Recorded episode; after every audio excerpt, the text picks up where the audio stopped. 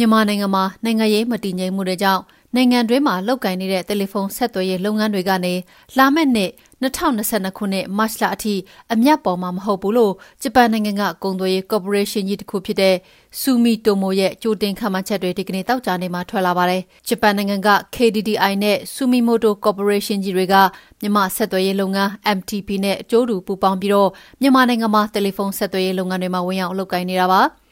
ဆူဘီမိုတိုအနေနဲ့မြန်မာနိုင်ငံထက်ကလုပ်ငန်းတွေကိုဆက်ပြီးတော့လဲပတ်နေမှာဖြစ်ပြီးအပြောင်းအလဲလုပ်ဖို့အစီအစဉ်မရှိပါဘူးလို့ဆူမီမိုတိုဗန်နာရေးဌာနတာဝန်ရှိသူ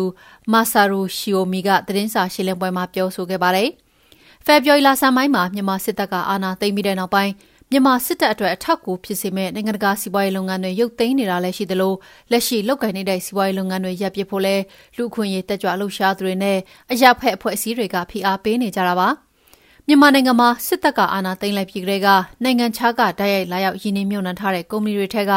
အနည်းဆုံး73ရာခိုင်နှုန်းလုပ်ငန်းလည်ပတ်မှုတွေရပ်ဆိုင်းခဲ့ကြပြီးဖြစ်တယ်လို့လည်းဂျပန်အခြေစိုက် Nikkei Asian သတင်းမှာဖော်ပြထားပါတယ်။